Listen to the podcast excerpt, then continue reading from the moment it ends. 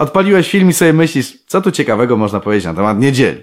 A tu cię zaskoczę. Pokażę ci na podstawie Biblii, że termin Dzień Pański absolutnie nie odnosi się do niedzieli, a do soboty.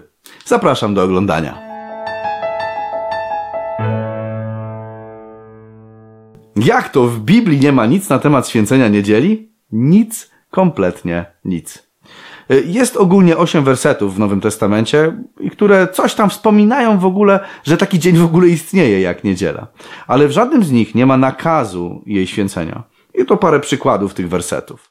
A pierwszego dnia po szabacie, rano, gdy jeszcze było ciemno, Maria Magdalena przyszła do grobu i zobaczyła kamień odwalony od grobowca. Dla tych, co nie wiedzą, to w Biblii niedziela jest nazwana pierwszym dniem tygodnia. I mamy tutaj zwykłe sprawozdanie faktów historycznych. Żadnego bożego nakazu, ani choćby sugestii, jakoby ten dzień był jakimś szczególnym dniem pańskim. Zobaczmy kolejny przykład z jednego z tych ośmiu wersetów. Każdego pierwszego dnia tygodnia niech każdy z was odkłada u siebie stosownie do tego, jak mu się powodzi, aby nie urządzać składek dopiero wtedy, kiedy ja tam przybędę. Tutaj Paweł nawet radzi, aby rachunki domowe robić w niedzielę. Także w żaden sposób nie jest to dzień wyszczególniony. Inne wersety są bardzo podobne. Nie ma w nich kompletnie nic, co mogłoby sugerować, że niedziela jest jakimś szczególnym dniem pańskim. Tutaj macie wszystkie te wersety. Jak mi nie wierzycie, to sami sprawdźcie. Jednak sam termin Dzień Pański jest użyty w Biblii. Nie jest on wymysłem księży. Ten termin pojawił się w pierwszym rozdziale Apokalipsy. Znalazłem się w zachwyceniu ducha w dniu pańskim i usłyszałem za sobą głos potężny, jakby trąby. Apostoł Jan dostał wizję apokalipsy właśnie w dniu pańskim. Jak już zauważyliśmy, Biblia w żaden sposób nie łączy niedzieli z terminem Dzień Pański. Więc w jaki dzień Jan dostał najpiękniejsze proroctwo pisma?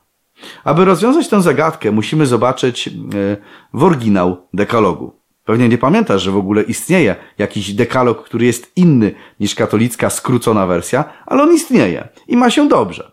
I jest to ciągle właśnie ten dekalog, który Pan Bóg wymaga od nas, abyśmy go przestrzegali. W tym prawdziwym dekalogu znajduje się pewne przykazanie. Jest to przykazanie czwarte. Jest ono zapisane w Biblii w Księdze Wyjścia.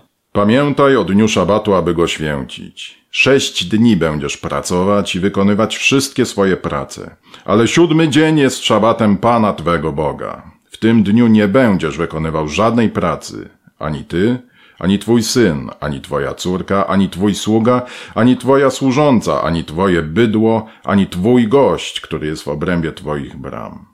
Pan bowiem przez sześć dni stworzył niebo i ziemię, morze i wszystko, co jest w nich, a siódmego dnia odpoczął.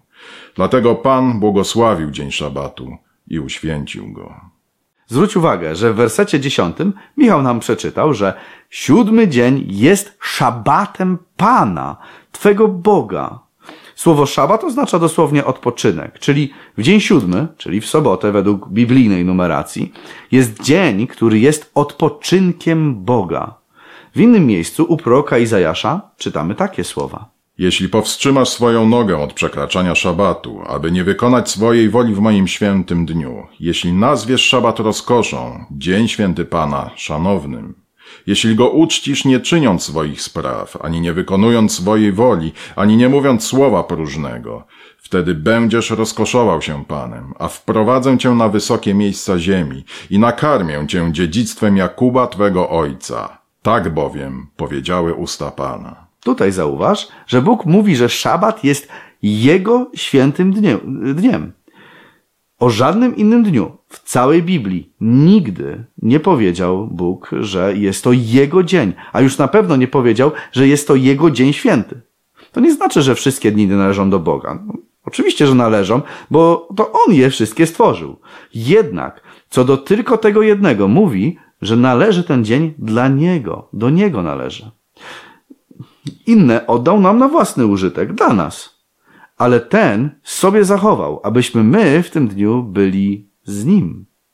Dlatego jest to Jego święty dzień. Nie Twój, nie mój. On jest dla nas stworzony, ale nie jest on Twój.